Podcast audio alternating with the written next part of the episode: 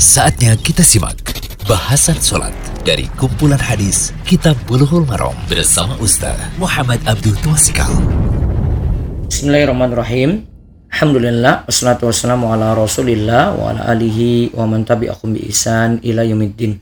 Allahumma anfa'na bima 'allamtana wa 'allimna ma yanfa'una wa zidna ilma. Kali ini kita berada di audio ke-94 dari pembahasan kitab Bulughul Maram karya Imam Ibnu Hajar Al-Asqalani kitab salat bab sifatis shalah. Kita masuk masih dalam pembahasan doa iftitah. Doa iftitah kali ini yang umum juga dibaca oleh masyarakat kita yaitu Allahumma ba'id baini. Hadisnya hadis ke-271 dari kitab Bulughul Maram. Wa an Abi Hurairah radhiyallahu anhu qala karena Rasulullah sallallahu alaihi wasallam idza kabbara li salati sakata hunayatan qabla ay yaqra'a fasa'altuhu faqal aqul Allahumma ba'id baini wa baina khataayaya kama ba'adta baina al-masyriqi wal maghrib. Allahumma nakkini min khataayaya kama yunaqqa thawbul abyadu minad danas. Allahumma ksilni min khataayaya bil ma'i wasalji wal barad. Mutafakun alaih. Dari Abu Hurairah radhiyallahu anhu ia berkata, Rasulullah shallallahu alaihi wasallam bila bertakbir untuk sholat, beliau diam sejenak sebelum membaca Al-Fatihah. Lalu aku tanyakan perihal itu kepadanya, beliau menjawab, aku membaca doa, Allahumma ba'id baini wa baina khutayaya kama ba'adta bainal masyriqi wal maghrib. Allahumma nakkini min khutayaya kama yunakka thawbul abiyadu minad danas. Allahumma ksilni min khatayaya bil ma'i wasalji wal barad.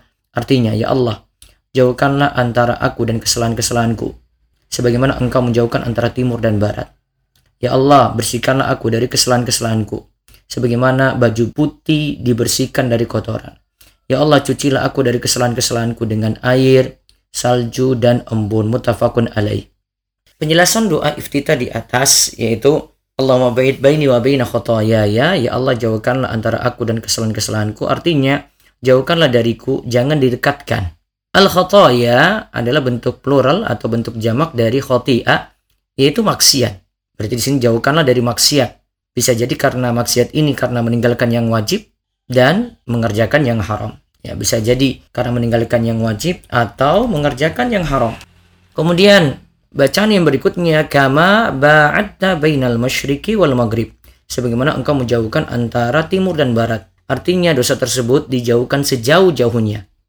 Nah, jarak timur dan barat kita tahu adalah jarak yang dapat ditangkap oleh kita manusia, maka uh, disebutkan dengan istilah itu. Artinya jauh, menunjukkan jauhnya ya, jarak tersebut. Jadi dosanya, kesalahannya dijauhkan sejauh-jauhnya. Kemudian Allahumma nakini min ya kama yunaqqa saubul abiyadu minat danas. Ya Allah, bersihkanlah aku dari kesalahan-kesalahanku sebagaimana baju putih dibersihkan dari kotoran. Disebut baju putih di sini karena pembersihan pada yang putih lebih tampak. Jika kotor lebih terlihat daripada warna hitam. Ad-danas di sini artinya kotoran. Ya, ad-danas di sini artinya kotoran. Kemudian Allahumma ksilni min khotoya ya bil ma'i wa salji wal barad.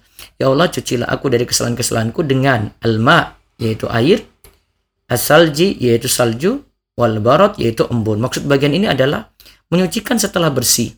Jadi kan di kalimat sebelumnya kan sudah dibersihkan, kemudian disucikan lagi. Kalimat tersebut seperti meminta kepada Allah agar tidak terjerumus dalam berbuat dosa lagi. Jika berbuat dosa, maka bisa dibersihkan kembali.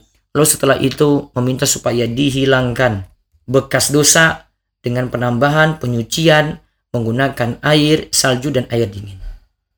Nah, pertanyaan selanjutnya. Kita tahu bahwa pembersihan dengan air panas itu lebih cepat menghilangkan kotoran. Namun di sini menggunakan salju dan air dingin. Karena ingat, dosa itu sifatnya panas.